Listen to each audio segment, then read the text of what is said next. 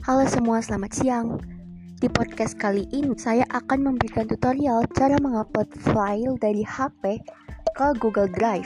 Dan cara yang saya berikan ini sangat mudah dan sangat simpel. Jadi langsung saja dimulai. Pertama, kita buka dulu Google Drive yang ada di HP kalian. Kemudian klik tanda tambah atau plus yang berada di sebelah kanan bawah. Setelah kalian mengklik klik lagi tombol upload.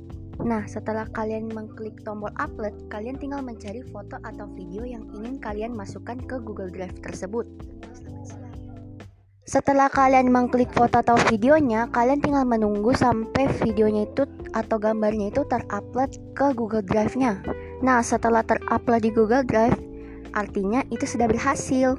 Dan saya sangat berharap kalian bisa memahami tutorial yang saya bagikan kali ini. Sekian dulu untuk podcast saya kali ini. Terima kasih dan sampai jumpa ke podcast selanjutnya.